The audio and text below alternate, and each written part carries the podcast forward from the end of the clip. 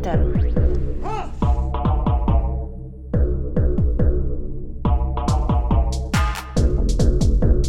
Berätta inte för mig om det svenska klassamhället. Jag har sett det. Jag har växt upp i det. Jag hatar det. Hur är det med dig, Gaspar? Eh, det är bra.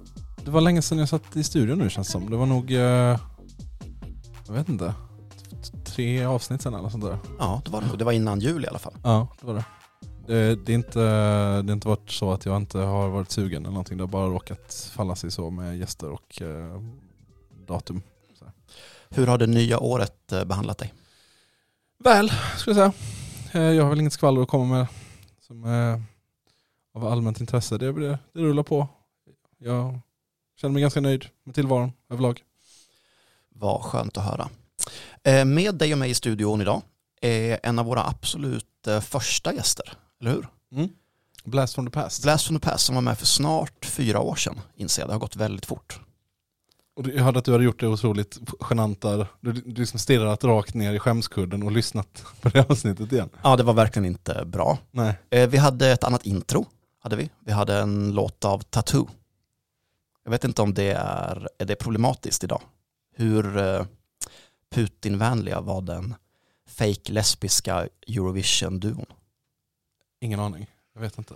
vet inte heller. Men framförallt var det dåligt ljud. Det enda som man kunde känna igen, det var att som ett, eh, som ett bakgrundsbrus hela avsnittet låg din tunga andning. det kändes väldigt bekant. Ja. Eh, välkommen tillbaka Jonathan Paj. Tack så mycket. Hur är det med dig? Jo, det är bra. Jag har också inte spelat in på länge. Inte sedan eh, vårt förra avsnitt för fyra år sedan tror Fyra års paus. Nu är det dags för återkomsten. jag. Mm. Det är bra. Det är inte alls illa. Eh, vill du ge en kort presentation av dig själv för de som inte har varit med i podden i fyra år? Ja, ehm, just här idag så är jag nog här i egenskap av att ehm, vara aktiv i rörelsen Extinction Rebellion och ha en bakgrund i eh, den autonoma vänsterrörelsen. Ehm, och eh, ja, jag har sysslat med allehanda olika former av autonom vänsterpolitik i herrans många år eftersom jag börjar bli ganska gammal. Ehm, så är det. Men vi såg också fyra år sedan och då var du ganska ny i Extinction Rebellion. Det var överhuvudtaget i Sverige ett ganska nytt fenomen. Det var en helt ny rörelse faktiskt. Vi hoppade på i ja, bara några månader efter att de kom med sitt första uppror i Storbritannien. Och det spreds extremt fort över hela världen. Så eh, alla var nya då. Mm, så det är förstås stor skillnad. En rörelse som är helt ny gör ju att alla kan hoppa på och tänka det här, är, det här kan jag driva min egen agenda i. Eller jag kan, jag kan låtsas att alla omkring mig är sådana kamrater som tycker precis som jag och att vi kommer liksom vinna. Och sen efter ett tag så börjar man märka vilka som tycker olika. Och ja, ni vet ju hur det funkar med olika rörelser. Särskilt sådana här stora, vad ska man säga, mass, eller som har ambitioner att bli massrörelser åtminstone. Som har väldigt liten eh, ja, politisk minsta gemensamma nämnare. Så att man försöker bjuda in så många som möjligt. Så då ger jag dig den eh, nästan helt omöjliga uppgiften att sammanfatta. Vad, vad har hänt på tre och ett halvt, snart fyra år? Var är vi idag jämfört med då?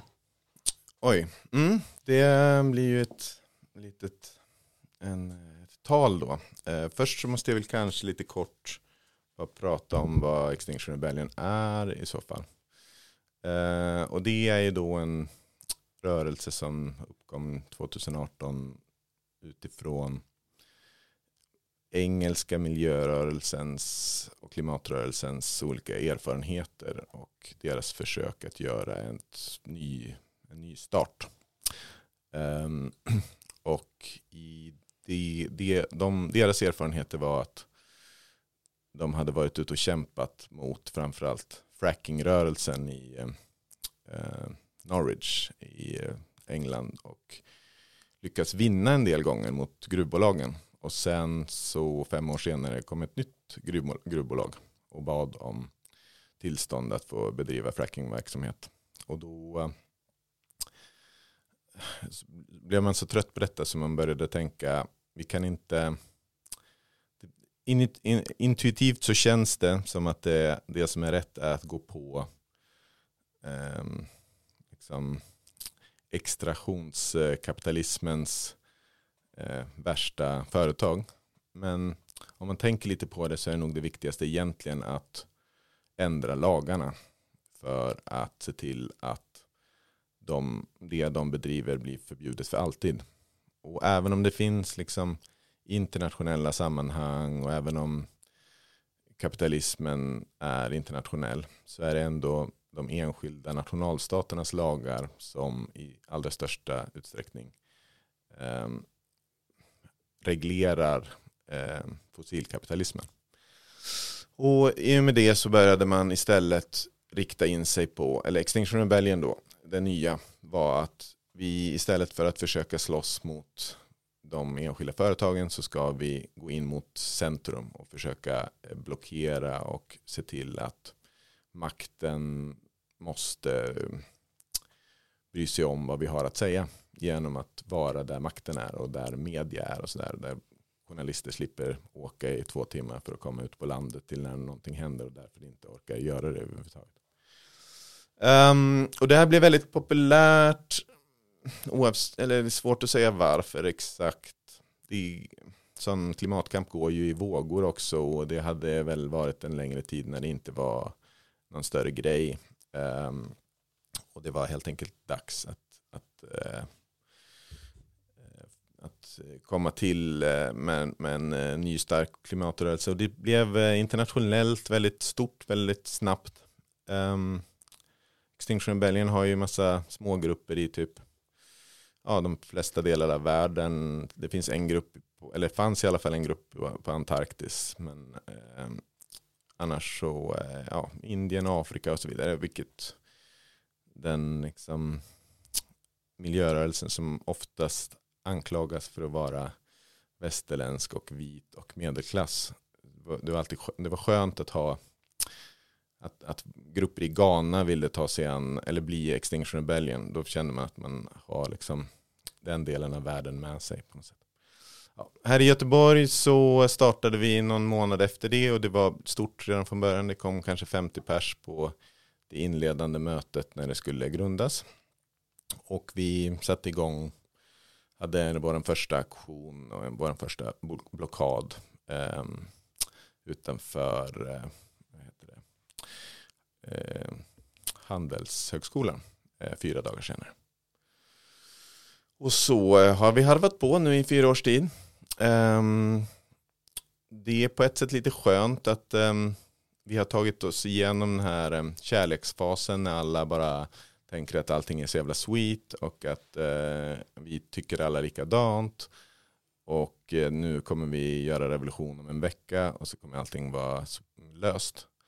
Um, utan att någonstans så har man, det blir alltid så att, det, att den hårda verkligheten och att, att kamp är väldigt svårt och att vi är väldigt få eh, till slut eh, hinner upp en. Och nu har det dessutom varit pandemi och sånt. Ändå så, um, ja, så sker det. Jag, jag vet inte, jag är kanske lite o... Jag, jag kanske inte håller tillräckligt bra koll på vad alla andra gör. Men det känns som att eh, rent aktionsmässigt, eh, även om det är lite mindre aktioner ibland, så är Extinction Rebellion fortfarande en av de mest aktiva aktionsgrupperna faktiskt. Eh, och det är ju någonstans det som är basen, alltså den här civila olydnaden som man vill hålla på med. Eh, så så länge det håller på så, ja, problemet är ju att vi inte har ökat så mycket som vi behöver göra. En Extinction Rebellion som, som organisationsform är väldigt baserad på att bli en massrörelse. Om man, vill, om man ska vara bara 300 pers i landet då skulle man kunna organisera sig på ett effektivare och kanske säkrare sätt som inte nassar och poliser kommer åt på samma sätt och så vidare. Men vi behöver ju bli många för att det här, den kamp, eller det vi vill uppnå ska kunna uppnås. Men eh, det är inte kört än tycker jag. Det är ingen idé att än eh, kasta ut barnet med badvattnet utan eh, jag är för eh, ja, jag, vi ska ha ett, vår, nästa stora aktionsdag är det nya Göteborgsupproret i maj. Så eh, ja, vi hoppas att det blir stort och att vi får nytt folk. Vi får ju nytt folk hela tiden men en del ramlar av också. Okej, det blev lite långrandigt men eh, mm. det, är din, det är du som ska intervjuas, det är hela poängen att du ska få sitta och bryta ut lite. Förlåt, jag, för jag tänkte på en grej äh, angående äh, hur, hur ni har upplevt förändring i, i repression över de här åren. För att eh, det har väl varit, nu vet jag verkligen inte detaljerna kring det här, men det har väl ändå varit ehm, en upptrappning av repression gentemot eh, XR och kanske miljöaktivister i stort i Storbritannien. Ehm, där det har delats ut eh, kanske främst tunga ekonomiska eh, liksom, eh, straff. är det någonting som ni har sett någon förändring gentemot hur polisen både lokalt men kanske också nationellt har behandlat klimataktivister och i allmänhet och XR i synnerhet under de här fyra åren? Um, alltså det här med att den liberala nationalstaten tillåter civil olydnad och att man får ganska låga straff för det. Det är ju för att det inte används så pass mycket så att det faktiskt är effektivt. Ehm, och på så sätt så kan man visa att man tillåter eh, opposition och man tillåter eh, till och med liksom protester som börjar bli lite radikala. Men så fort det blir så pass omfattande så att det faktiskt gör ekonomisk skillnad eller liksom eh, är ett hot, då ändras ju lagarna väldigt snabbt. Um, och um, tyvärr har väl inte vi kanske lyckats bli ett hot än i den utsträckning som de verkligen har lyckats bli i Storbritannien. Men det är ju våra, våra avknoppade organisation eh, Återställ våtmarker som består av i stor utsträckning Extinction Rebellion folk som ville ta saker ett steg längre.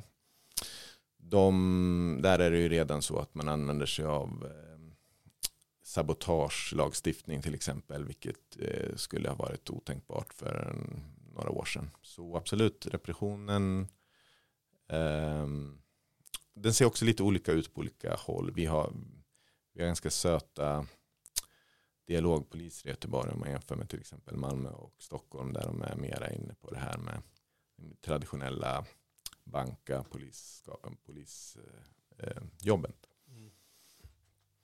eh, Just frågan om, om polis och repression, det var någonting som vi snabbt gled in på för snart fyra år sedan när vi försökte lista ut vad det här Extinction Rebellion var för någonting. Och då nämnde du lite grann ja, men de, ja, men några få taktiska punkter ifrån Storbritannien. Och, en, och vi diskuterade så, ja men ska man låta sig gripas verkligen? Ja, det ska man göra och inte nog med det. XR UK hade till och med som en idé att man på så sätt skulle lyckas överbelasta repressionen. Alltså att man skulle låta sig gripas i den omfattning att det helt enkelt inte skulle gå längre. Mm. Känner du igen det? Och, och, hur skulle du säga att den strategin har fungerat? Finns den idén kvar? Jag, ehm, jag har gjort en liten ehm, text, jag har skrivit en text riktad till vänsteraktivister som handlar om de eh, fem största kritikerna mot eh, Extinction Rebellion och varför de inte, eller är, de inte håller eller varför de bara håller delvis. Och där ingår eh, förstås det här med både det att Extinction Rebellion har varit eh, polisvänliga eller man har hållit på eh, i början i alla fall så, började, så ropade folk love the police, we love the police och sånt vilket förstås har stuckit i ögonen hos många. Eh, men också det här att man använt sig av en, en ganska klassisk syn på civil olydnad som typ plogbilsrörelsen gjorde i Sverige på 80-talet där man på något sätt eh, eh, ja, tänker att folk som låter sig fängslas. Det, är lite, det, är något, det blir lite av en personkult och det, eh, det är också väldigt inbakat i, vad ska man säga, tron på, det, på vårat eh, juridiska system. Att, att ta sitt straff för att det ändå är någon form av demokratiskt tillsatt juridiskt system och därför så måste man på något sätt eh, anpassa sig till det. För annars så om man bara bryter vilka lagar man vill då kan typ nazister också använda sig av den um, ja, av- av det för att kunna göra det de vill. Um, det, det som eh, uh, UKs anledning till att de vill byta strategi nu det tror jag i väldigt stor utsträckning är det här med att man inte kunde fylla fängelserna och det inte ledde till en revolution. Eh, och att folk är väldigt trötta, eller liksom att det, det är inte lika roligt att aktivista längre om man eh, riskerar fängelsestraff för att man har redan eh, blivit gripen och så vidare. Eh, och den här strategin har väl inte heller tagits det är ganska få andra eh, undergrupper som har eh, gjort det här. Ehm, vissa, eller i viss utsträckning så, så här i Sverige till exempel så har vi pratat om att om det är så att det är bra att fylla fängelserna eh, så, är, så kommer det vara bra först när vi blir 50 000 pers på gatorna. Då, då är det liksom eh, möjligtvis gångbart som strategi. Men innan dess så är det bara skadligt för de enskilda aktivisterna. Det är liksom en självpåtagen eh, Ehm, repression. och Så. Sen själva idén om att man ska göra aktioner där man faktiskt sitter kvar och låter sig bäras bort av polisen istället för att typ spränga saker eller att ehm, eh, försvara sig mot polisen och ta sig därifrån. Det är en annan fråga egentligen. För det, då, då handlar det om vilken typ av eh, medlemmar man riktar sig till och så vidare. Vi har ju väldigt mycket gubbor och gummor och eh, ungdomar som är under, eh, ja, det, det är helt enkelt olämpligt i våran typ av aktivism att det leder till storskalig eh, våldsanvändning liksom, beroende på vilken typ av medlemmar som vi attraherar helt enkelt. Just det. Men, men för, eh, där var vi inne på lite grann för, eh, i, i det första avsnittet eh, också. Att det skulle kunna tänkas ha en radikaliserande effekt också. Alltså att just då kanske ungdomar, eh, gubbar och gummor, eh, att illusionen om, om den goda liberala staten eh, kommer att krossas när den polisiära repressionen trappas upp. Mina ord då, inte dina. Det inte det finns ju någon gammal autonom sägning om att ta en socialdemokrat till en antifa-demo så blir det en anarkokommunist. Därför att det de här, polisens batong är det effektivaste radikaliseringsverktyget. Ehm, det, det är väl så, eh, en bättre sägning än vad det är en politisk sanning. Men kanske finns någonting där. Ja, alltså ehm, vi har ju dessutom valt att organisera oss utifrån, ehm, utifrån den minsta gemensamma nämnaren civil olydnad. Alltså man försöker få in precis alla som är beredda att rädda klimatet med hjälp av att bryta mot lagen. Och vi har, även om det kanske inte i så stor utsträckning har lyckats attrahera så mycket liberaler och konservativa så har vi ibland, vi har vissa föredrag där vi liksom direkt försöker förklara varför du som liberal eller som konservativ kan eh, gå med och varför du ska kunna eh, tycka att det är viktigt med klimatkamp. Liksom. Jag tänker att eh, det det innebär är ju helt enkelt att, eh, att vi eh, försöker få folk att, att eh, utsätta sig för det som är eh, ja, statens repression helt enkelt. Och så försöker vi göra det på ett sätt som är, ger så mycket effekt, effekt som möjligt mot att vi får så lite eh, skada som möjligt själva. Liksom.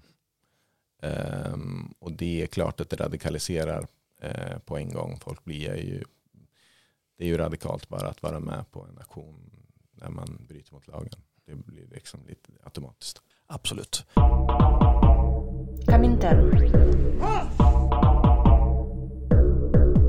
Det har ju också skiftat samhällsdebatten. Extinction Rebellion, eh, återställ våtmarker. Det är ju tonläget är ju annorlunda idag än vad det var för fem år sedan. Ja, alltså till att börja med så har vi en extrem högervåg just nu. Det, det är liksom, vi är så vana vid det för att vi vaknar varje dag och bara är i det. Men om man tittar på det utifrån så är det ju helt sjukt vad stark högern är egentligen just nu. Och eh, det är också ganska lite, liksom den gammel, gammeldags gatuaktivism är, eh, har minskat ju ifrån många olika andra typer av kamper. Ehm, och det som dessutom högern tror är, eller eftersom typ Sverigedemokrater hatar miljöaktivister mer än vad de hatar invandrare och kommunister så, tänk, så tänker de så här, ja det här är befolkningens vilja. Eh, det, det, är gött, eller det är smart att satsa på propaganda som handlar om att folk limmar fast i vägarna eftersom folk blir så himla irriterade och arga på det. Um, och uh, ja, det tänker jag det går ut, ja det handlar ju också om att det är någonstans, någonstans så förstår de att det här är ett problem som är ett riktigt problem. Alltså en invandrare eh, som bara gör, försöker göra sitt i det svenska samhället för att inte bli utslängd. Den är egentligen ingen fara. Men det här med att försöka rädda planeten mot, eller i alla fall mänskligheten på planeten mot eh, klimatförstörelse. Det är ju eller det är farligt för högern på riktigt. Om vi skulle vinna så skulle ju de vara utslagna. Liksom. Ja, det är ju inte, eh, alltså miljö, all form av miljökamp är ju någon slags sån gigantisk blind fläck för hela högen.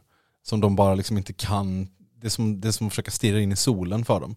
Därför att de, de har, det finns liksom inga lösningar de har att erbjuda. Antingen så får de vara så bara okej okay, då fine, vi kör väl socialdemokrati i det här fallet. Därför att staten måste ändå gå in här och ladda, ladda, ladda.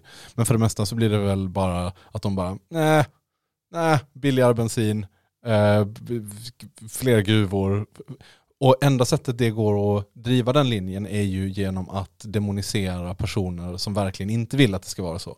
Alltså det blir ju den enda öppningen de har för att driva, för att skapa propaganda eller göra politik. De kan ju inte säga, ja ah, men det är rimligt eh, att eh, gräva ut mer kol och ha fler bensindrivna bilar därför att kapitalet tjänar pengar på det. Den gubben går liksom inte någonstans för någon politisk schattering. Utan alltså. vad de istället måste säga är, fan vad störiga de jävla haschrökande hippisarna är som sitter och röker hasch. Om de är för att vi ska ha jag vet inte, färre bilar eller något, då måste det ju vara fel. Alltså, de, de, folk hånar högen just nu för att de kommer med liksom så dåliga argument och att de bara har känsloargument och att de beklagar sig över saker utan att kunna försvara något av sitt egen, sin egen politik. Men deras politik går ut på att så gott som alla i Sverige ska få det sämre och en liten, liten, liten klick, eh, en liten, liten elit ska få det bättre. Så det är ju, och det är ju jättesvårt att försvara det. Om man säger det rakt ut till folk, då så vill de ju inte att man ska få fortsätta bedriva sin politik. Utan det är som du säger, då måste man börja ja, klaga på sånt som är, eh, man måste spela på folks rädslor, man måste prata om skjutningar, skjutningar och skjutningar och eh, liksom eh, korkade miljöhippies och ja, allt sånt förstås. Jag håller med. Och det är därför vi har en, en ett klimat eller ett miljödepartement nu, en miljöminister som är helt tyst. Stackars Romina som begick det politiska självmordet att, att ta den, ta den posten. Jag tror, jag tror att det kom, ja, hennes karriär kommer bli helt Eh, alltså hon, jag tycker hon sköter sig. Hon vet ju att hon försvarar en icke-politik som bara kommer bli sämre och sämre.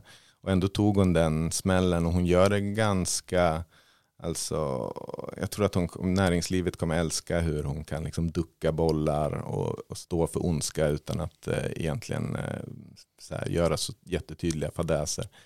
Eh, så jag tror hon kommer bli värvad och få en välbetald tjänst efter detta. Ja, Eh, historieböckerna kommer kanske inte vara så snälla mot henne, men hennes plånbok kommer ju utan tvekan vara välfylld tills den dag hon dör. Antagligen hennes barn och barnbarn också. Jag skulle vilja höra en podd med er och henne. Det hade jag kunnat tänka mig vara stark. en stark stund. Eh, du tjuvstartade lite och pratade om eh, strategiskiftet i XR UK. Eh, för det damp ju ner som en bomb för en vecka sedan. Sen pressmeddelande från Extinction Rebellion. We quit. Och, och det, var, det är väl också kanske så det med huvudsaken vi vill tala om. Eh, snacka lite kring det här. Eh, ändå ganska eh, ah, kortfattade dokumentet. Lite om vad det betyder och vad det innebär och, och, och, få en lite inside look. För att det kan, när jag läser det så känns det som att det kan betyda ganska många olika saker. Det, det är inte så knivskarpt formulerat även om jag förutsätter att det finns eh, en, eh, eh, har gått in en jävla massa tanke och fundering bakom. Liksom. Um, och vi vill väl råda lite i vad, vad, vad, betyder det här egentligen? Vad är på gång? Vad händer? Oh, det är svårt att uh, vara så säker på det för precis som ni säger så är det ett förhållandevis luddigt uh, dokument som kan tolkas på massa olika sätt. Men bakgrunden är väl att eh, repressionsläget som vi redan var inne på har förhöjts rejält i Storbritannien. Eh, redan andra året man försökte göra en sån här stor nedstängning av London som eh, man lyckades med första året.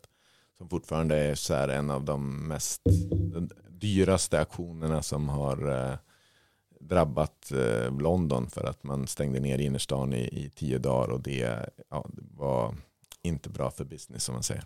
Men redan andra året så um, försökte man göra samma sak och då gick bara polisen in och tog allting eh, i förväg för att när man har den här aktionsformen eh, civil olydnad, när man dessutom berättar i förväg vad man tänker göra, så är man ganska sårbar, upptäckte folk. Så det blev inte riktigt lika poppis sen att göra på exakt det sättet.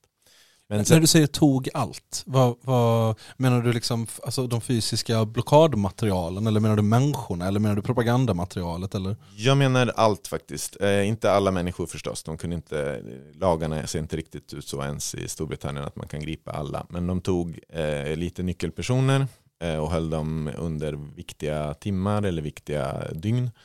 Och framförallt så hade man jättemycket så här eh, Eh, som, jag vet inte om ni har sett bilderna från det första eh, sånt eh, upproret. Men man har ju liksom byggt stora gräsmattor på gatorna och massa konstverk. Och liksom, man har försökt göra blockader som inte ser så aggressiva ut för att de ser ut som små trädgårdar istället för en kedja med aktivister som har armkrok. Liksom. Och alla, all, all den typen av uppbyggda grejer, det var det, det beslagtog de. Ehm, men nu har de också lyckats genomföra olika höjningar av straff för eh, klimataktivister. Och, ehm, och så är det väl också så att man inte längre kanske ökar lika mycket i antal. Alltså, för i början så var det bara strömmade det ju till eh, aktivister och sen så nu så har man väl nått någon nivå där det kommer lite färre folk. Och då kommer man ju till det här som de flesta olika organisationer eh, tänker att ah, vi måste samarbeta med andra, vi måste göra saker till, ihop med, med andra för att vi ska kunna eh, nå våra mål. Så jag tror, och det här är bara en gissning, några, av, några i XR Sverige när vi hade ett strategimöte om detta nyss, de sa nej men det här är bara en, det här är en propaganda, det här är bara för att We Quit låter väldigt bra och få folk att eh, lystra och, och, och, så. Men i slutändan så kommer det inte bli så stor skillnad på det. Jag klickade snabbt när jag såg rubriken. Ja, precis. Det funkade med andra ord. Men eh, jag tror ändå att det handlar om att man har lite grann givit upp det där med att sitta i fängelse är värt. Utan att det, att det är eh, bättre att inte göra det. Och så tror jag det handlar om att man eh, vill försöka sträcka ut armarna och få med sig eh, folk som är organiserade på andra håll eh, för att helt enkelt bli ja, starkare. Mm. Jag tänker att det finns, det finns liksom en, eh, okej okay, och nu talar jag ju i egenskap av liksom någon slags eh, anarkokommunist här, vänlig eh, tolkning och så finns det en ovänlig tolkning. Mm. Eh, vi kan väl se lite vad, vad vi tror för att den, den, om man ska börja med den, den vänliga tolkningen eh, så, så, så, tycker jag att de trycker på liksom de här sakerna att, eh, menar, alltså det, är ett, eh, det är inte ett klimatproblem, det är ett politiskt problem. Liksom. Det, det är någonting i, i eh, de, de är, jag kommer inte ihåg om de använder ordet explicit, men de är snubblande nära att säga det är kapitalismen som är problemet, inte kolföretagen. Eller så här, liksom. Det. Eh, och eh, att, att de, de gör det väldigt tydligt, liksom, att det här, för att det här ska ros i land så krävs det en bredare social vision. Eh, och då krävs det också en bredare allians. Liksom. Eh, jag tror också att de använder ordet revolution. Fast i, på, ett, på ett sätt som gör det tydligt att de inte talar om att storma Vinterpalatset utan i någon annan bemärkelse. Eh, det är kanske rätt eh, överhuvudtaget att göra det oavsett vad man har för politisk, alltså skitsamma om man är kommunist eller inte. Men, eh, och sen så, och så det är väl en, en del av det som jag fick ut av det, liksom, okej, liksom en, en, ehm, eh, någon slags vändning mot, en, eh, mot politik i bredare bemärkelse. Eh, och det kommer ju då av nödvändighet bli vänsterpolitik, det kan ju inte bli någonting annat. Liksom. Eh, och sen så eh, någon slags eh, så här nästan marxist-leninistisk doftande byggande av motmakt. Alltså att, eh, att man liksom gör en sån eh, variant av vändning mot vardagen. Att man går ifrån eh, aktivistisk eh, politik och mer försöker bygga ehm, eh, försöker bygga motmakt liksom. Eh, och, och, eh, och fördjupa och stärka sin eh, förankring i olika lokalsamhällen och organisationer och sammanhang. Eh, och det är ju saker som naturligtvis eh, smaka mumma att, eh, att någon är sugen på att göra sådana saker. Eh, den, den elaka tolkningen blir ju då att eh, det här är en grupp som har blivit utsatt för ganska tung repression och inte, eh, ja, men av, inte, inte orkar med den. Liksom. Att, de har, att det, här, det här är en grupp som håller på att bli knäckt liksom, av staten. Eh, och det är ju liksom inte ett moraliskt fördömande av människorna som utsätts för det. Det är bara, okej, staten var för stark, vi kommer behöva backa här. Eh, och det är ju trist. Liksom. Och, och då kanske man hade önskat, om det är så, att, att de orkade vara öppna i sin kommunikation med det. Liksom, för då, eh, ja, då sätter det ju saker i ett lite annat läge. Liksom. Hur man ska kunna, vilka lärdomar man kan dra av det, hur man kan stötta och så här. Eh, och sen så det andra, ja, eh, man, man, kritiken mot den aktivistiska sättet att föra politik eh, är ju bra och så. Men, men det finns ju också en oro för att organisationer som på något sätt avvecklar eller drar tillbaka på sin gatuaktivism ganska snart blir fikaklubbar. Och finns det någonting vi vet inte drar till sig medlemmar så är det fikaklubbar. Folk fikar mycket hellre med sina kompisar än vad de fikar med eh, kamrater. Och om det inte finns en ett mål att sträva mot som på något sätt är en konfliktfylld situation där någonting står på spel och man står och, och, alltså kan vinna någonting, då är folk inte med. Då vill folk inte gå med. Ehm, och, och kanske alla de här sakerna är sanna i någon bemärkelse eller i någon, någon mån. Kanske ingen av dem är sant. Jag det är svårt att avgöra från. Jag, jag, skulle, jag gissar att det viktigaste är att det, det lite av det av båda stämmer förstås. Ehm, men den allra viktigaste är vänsterns förmåga att vara otålig och ändra kurs.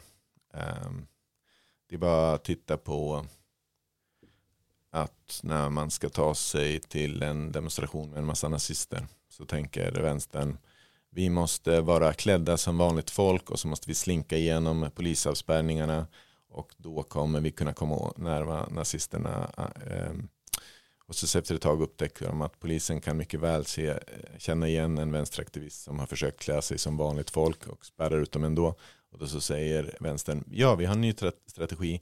Vi ska istället vara maskerade och gå i kedja och ta oss rakt igenom eh, polisavspärrningarna. För då eh, kommer vi att klara, eh, ja, komma igenom på ett mycket bättre sätt. Och då visar det sig att de blir upptäckta långt i förväg och att polisen kan eh, ringa in dem ganska snabbt. Och så är det någon som kommer på, ja men eh, vi kanske skulle klä oss civilt och eh, vara utspridda i små grupper istället för att vi har så mycket genomströmning så att folk inte riktigt hinner lära sig av historien. Och jag tror att vad det gäller eh, UK så, så har de hört det här argumentet som låter ganska bra. Eh, som säger så här, men varför sätter ni er i gatan för vanligt folk? Det är vanliga arbetare som bara ska till jobbet som, som blir arga på er. Eh, det, här eh, hindrar ju inte fossilkapitalet. Rikta er mot bankerna istället. Det är de som är problemet på riktigt. Och så har man liksom glömt eller inte tagit ja, man har nog glömt att själva Extinction Rebellions första att det bildades var lite grann för att gå ifrån att ge sig på bankerna och istället försöka skapa oreda i centrum. Eh, och så har man på något sätt eh, tänkt att vi måste göra någonting nytt för folk blir sura och vi, vi måste prova någonting annat. Och vi får väl se helt enkelt vad det är för annat eh, som man provar. Och om det här är ett tecken på svaghet eller om det är någonting som kommer att leda till någonting bra i slutändan. Jag kan ju säga att det är inte något som hittills andra grupper har tagit till sig om man säger. I Tyskland och Frankrike har de sagt att vi tänker blockera mer. Ehm, vi kommer att göra mera spektakulära blockader. Tyskland så har man ju också ganska, är man ju med i Lützerath nu och eh, liksom eh, gör den typen av aktioner. Otroliga bilder här på morgonen på Ja, kan vi inte, för att nu är ju inte det som du eh, kom hit för att snacka om, men du kanske ändå har någonting att säga om det. Det verkar ju vara en, för visst är det en, de, typ så, något sånt ondskefullt tyskt Mordor-kolföretag försöker förinta en by eller någonting. Och, eh, Ja, alltså om man, om man letar efter någon form av så här, eh, låt oss hitta en kamp där man ser liksom visuellt vilka som är de onda och vilka som är de goda. Så är det just eh, en massa vanligt folk som sitter och försöker för, få en by att inte grävas sönder och en gigantisk liksom så här dödsstjärnan Star Wars eh, förstörelsemaskin som dessutom har en massa stormtroopers eh, framför sig. Det är liksom eh, det är ganska- Stormtrooper som har fastnat i leran idag. Ja, det var också Otroligt väldigt kul. Dråpligt. den där konstiga munken som var bredvid dem, jag har inte riktigt förstått vad han gjorde där, men det var också en, liten rolig extra effekt tyckte jag. Eh, Jag har inte riktigt, alltså det verkar vara väldigt stort också. Det, det, det, det intressanta med det här är ju att de protesterna har ju ärvt liksom både en massa utrustning från de gamla protesterna mot Eh, men också folk, alltså gamla gubbor och gummor från eh, protesterna mot kärnavfall eh, i Gorleben under 90-talet framförallt. Och de protesterna blev ju väldigt stora, det var tiotusentals människor där, dog några aktivister och så, eller i alla fall en. Ehm, men ehm, ja, det, det har liksom de, om man åker på de här protesterna nu så har de fortfarande de gula korsen som var eh, mot de här kärnavfallstågen och de är nu istället klimatrörelseutrustning. Eh, men, men det kanske låter som en väldigt eh, bra utveckling också att, att de olika nationella grupperna använder sig av den taktik som passar bäst i landet de verkar. Så du får rätta mig om jag har fel, men, men XR har varit ganska likriktat va? I hela världen. Alltså, det, vi gillar ju det. Eller vi är ju så här, om, när man är en liten, liten, alltså när man är 20 klimataktivister någonstans så är det ju alltid deprimerande. Det är ju som att ens aktion gör mera skada än nytta för att folk bara, oj, är de så där få aktivisterna? Jag tänkte, om jag inte hade sett dem alls så skulle jag ju tänkt att de åtminstone var 100, men de är bara 20. Men om man då har den här väldigt likriktade, våra timglassymbol till exempel, då är en liten grupp, i kanske, framförallt i länder med jättemycket, organis- äh, med jättemycket repression, typ en grupp i Vi brukar pissa på Skövde ofta här. På. Det brukar vara vårt exempel på en menlös ort. Ja, men nu tänker jag mera kanske mm, New Delhi eller något sånt. Att något ställe där eh, polisen inte har något problem med att bara gå in och banka eh, och slänga det i fängelse utan, eh, utan rättegång. Då så genom att, att bara ha den här symbolen så kan man visa sig bara, men jag är en av de här 680 grupperna i hela världen som, som gör, tycker samma sak och gör samma sak. Så kan man känna sig lite mera ja, som att man har eh, folk i ryggen så. Men det har ju från början, redan från början, alla, alla, alla som har kämpat i liksom XR-grupper i eh, arabvärlden till exempel. De har bara, mm, jag är ledsen men det ger mig 12 års fängelse om jag gör den här typen av blockader som ni, ni gör i Västeuropa. Så vi kommer kanske göra, bedriva aktivism på ett lite annat sätt. Så, så har det ju alltid varit från början. Um, och eh, man har väl lite grann förstås tittat på eh, Storbritannien för att de har blivit så himla många och att det blev så otroligt mycket mindre grupper och att de drar ihop så mycket folk och sådär. Och att de började där helt enkelt. Men eh, alltså de som grund, grundarna till XR har ju inte särskilt mycket att säga till om längre till exempel. Så att det är ju den här att det, en, det, det handlar om att, gö- att bedriva aktivism, att alla ska få vara med och att man bara vill bara dra in så många som möjligt till att bryta mot lagen för klimatets skull. Det gör ju att man gör det på massa olika sätt automatiskt nästan.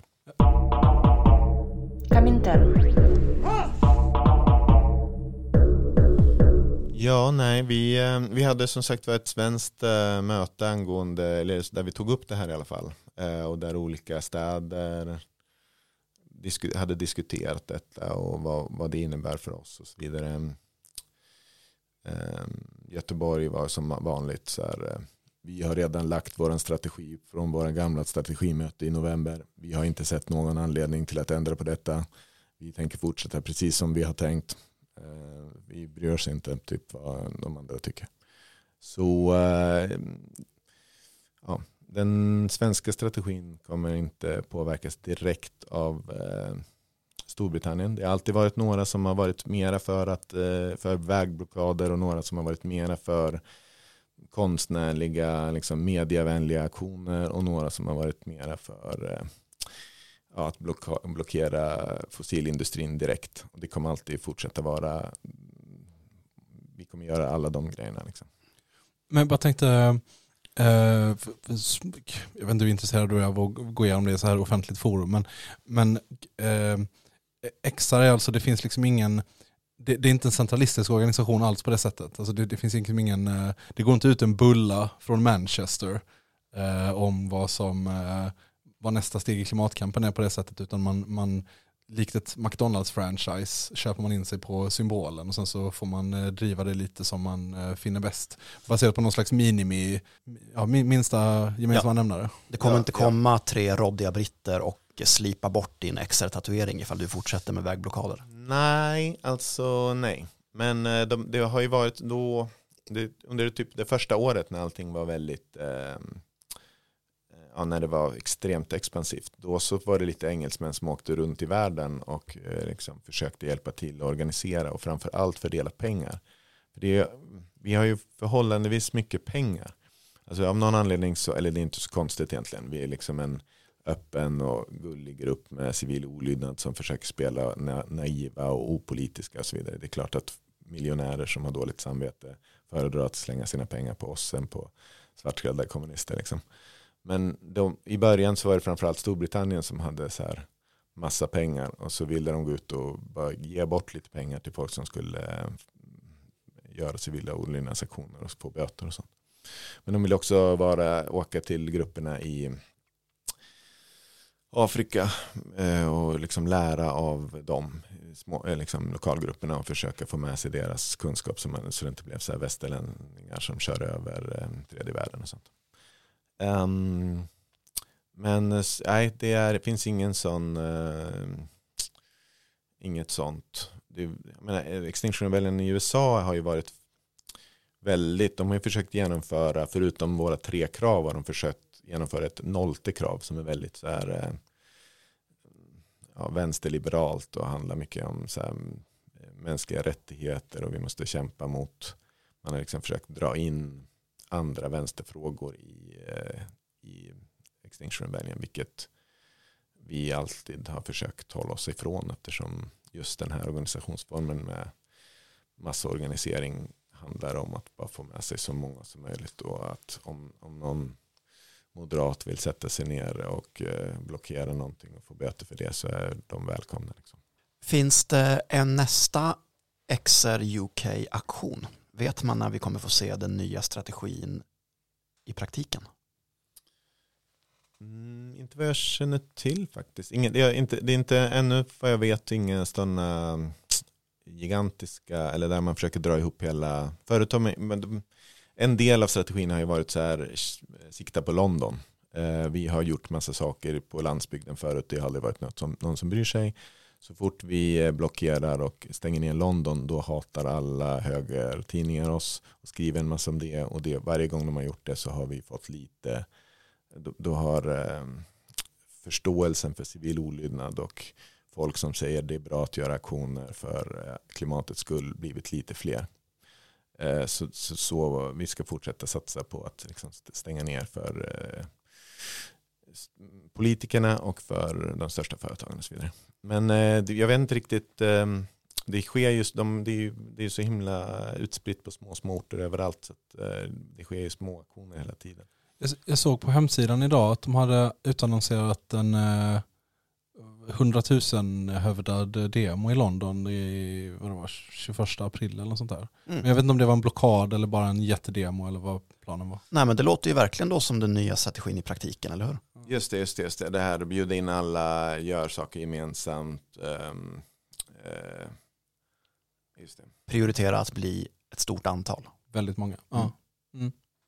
Och det kan ju också, eller jag har några, har nog, eh, jag har eh, två hundratusen demos bakom mig i mitt politiska liv. Och det är ju i sig själv omvälvande upplevelser. Det är det, absolut. Inte sällan är ju gränsen mellan en så stor demo och en blockad. Ja, den är helt eh, också. akademisk liksom. Det samlar man 100 000 människor som ska, även om de bara ska gå från Götaplatsen till Poseidon, eh, eller ja, Poseidon är på Götaplatsen kanske, whatever. Ni fattar vad jag menar. Ja, det är dock ehm, det är svårt. Det är, det är väldigt, äh, särskilt att hålla trycket uppe. Det är det. Om- om Annars det- hade vi gjort det varje helg. Ja, ja, Sverige. Vad Vill du berätta någonting om vad ni sysslar med i Göteborg och i Sverige? Vi har eh, närmar oss eh, timmen, men vi har lite tid kvar ifall du vill eh, göra reklam. Ja, det vill jag ju förstås. Ehm, jag, eh, jag, hade, jag vet inte, jag hade kanske räknat med mera kritik. Jag tänkte att jag skulle eh, försvara Extinction Rebellion mot Vill du ha fler hardball questions? Ja, ja jag vill att ni, jag vet, de här ehm, typ 11 sakerna jag har förberett mig att försvara varför Extinction Rebellion gör som vi gör. Eh, jag tycker inte riktigt att ni har eh, angripit det. Men å andra sidan så har eh, jag har tagit upp det här med bland annat aktionsgruppen Hedvig förut och, mitt liksom specialuppdrag som jag har tagit på mig själv inom Extinction Rebellion. Att, för det första försvar, eller förklara för andra aktivister varför vänstern är som den är. Och vad, vad, för att ibland så fattar inte folk inom Extinction Rebellion varför saker vi gör är konstigt för eh, aktivistvänstern. Men ehm, ja, jag, jag, har, jag, måste, jag ska inte eh, göra det, eller jag, jag gör bara lite reklam. Inom, här i Göteborg så har vi vårt nästa uppror eh, 25 till 28 maj. Ehm, och sen i sommar så tror jag att vi kommer att Eh, göra saker tillsammans med våra kära kamrater inom, som organiserar sig på annat håll. Och bli ännu fler och eh, göra ännu fetare, fetare saker. Men eh, till att börja med kommer vi ha aktivist aktioner i, under pingstare idag tror jag. Om man blir inspirerad eller sugen, hur kommer man i kontakt med er? Vad, vad är vägen in?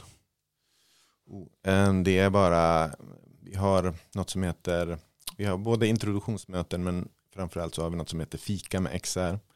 För att folk alltid är lite rädda för konstiga sekter och vill gärna kunna dra sig ut, eh, liksom backa bakåt i lokalen utan att vara eh, omringad eh, av konstigt folk som vill ha med dem.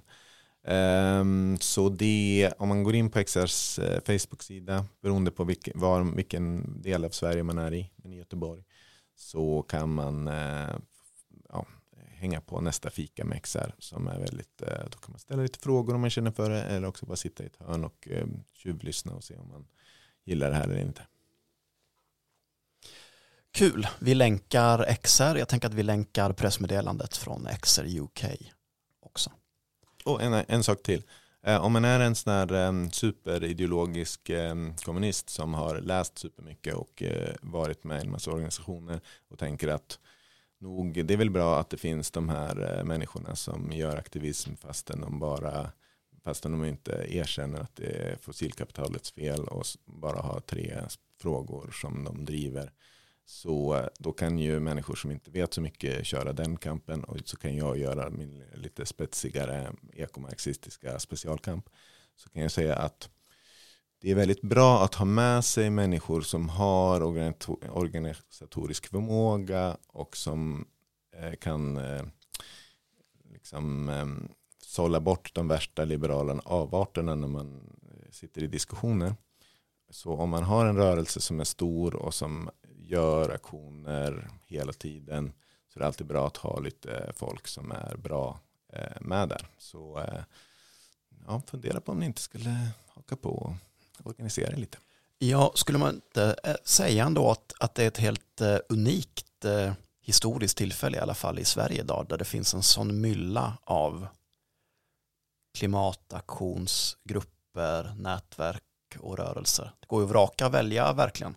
Oavsett om man vill syssla med XR eller man vill gå med i en mindre, Spetsig ekomarxistisk aktionsgrupp. mindre aktionsgrupp, större nätverk. Eh, välj den teori och praktik som passar dig. Det som jag saknar är väl mera eh, Terror. Ja, faktiskt. Eller liksom ordentliga sabotagegrupper. Så att jag, jag tycker att jag, jag är liksom familjefar och håller på med så här eh, mitt i livet aktivism som är väldigt, tycker jag, eh, den gyllene medelvägen. Men tyvärr så finns det väldigt lite att peka på som är eh, radikalare och argare som man kan säga så här, vi är inte riktigt så här, eh, vi, vi, vi, har inte nå- vi är inte den här nivån även om den också eh, har sin plats. Liksom. Ehm, men Det- kanske kommer, vem vet. Mm. Vi har försökt få till ett avsnitt med Tire Extinguishers som är ute och pyser däck på suvar. Det är fint men det är också sånt som vi redan gjorde då när vi var asfaltsdjungelns eh, indianer och klim- klimat. eh, Alltså det, det, är inte riktigt supersabotage tycker jag inte. Nej, nej, och jag förstår hur du menar. Men eh, Jag skulle bara säga att, att det har inte gått. Där kan vi snacka oklanderligt säkerhetstänk. Det var liksom inte möjligt. Det behövs ju verkligen i dagens samhälle också. Om man är sån riktig, ja, man det får ju verkligen vara, eh, ja, man får vara så duktig helt enkelt. Ja det här säger vi ju sällan i podden men, men hör för fan inte av er till oss om ni tänker syssla med det. Det ska, det ska ni vara jävligt klart för er. Det vill vi inte veta. Nej, det vill vi inte. Såg ni att Verso Books har nytryckt eh, Andreas Malms How to blow up a pipeline Nej. med en ny titel? Okej.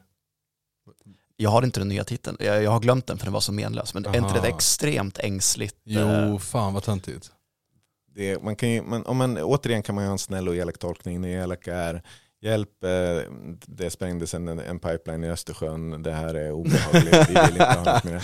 Den, den eh, andra är ju så här, det finns ingen, det pratas aldrig om att spränga pipelines i hela boken, så det är en lite konstig ti- titel på ett sätt. Ja, ja, du, du, du har en poäng som vanligt Jonathan. Eh, du får väldigt gärna välja outro-låt om du vill. Du kan skicka något förslag till mig. Så sänds det här om en vecka. Oh, wow, vilken grej. Det ska bli kul. Tack för din tid. Tack så mycket. Superkul. Då var vi igång igen Gaspar. Yes. Avsnitt 1, vårterminen 2023. Yes. Mm. Eh, vi lägger upp eh, lite bilder. Jag tänker att jag ska leta upp eh, någon av de här bilderna från eh, de vänliga blockaderna med gräsmattor. Så lägger jag det på vår Instagram, at kominternpodd. Vill man höra av sig till oss, inte för att berätta att man tänker gå, begå brott, så kan man göra det på kominternpodd.gmail.com. Möjligtvis om man vill göra sådana små gulliga brott som vi gör som bara ger eh, tre, eh, liksom 30 dagsböter och som vi dessutom har pengar nog att betala åt dig. Absolut. Berätta efteråt istället för innan. All right, ciao ciao. Ha det bra.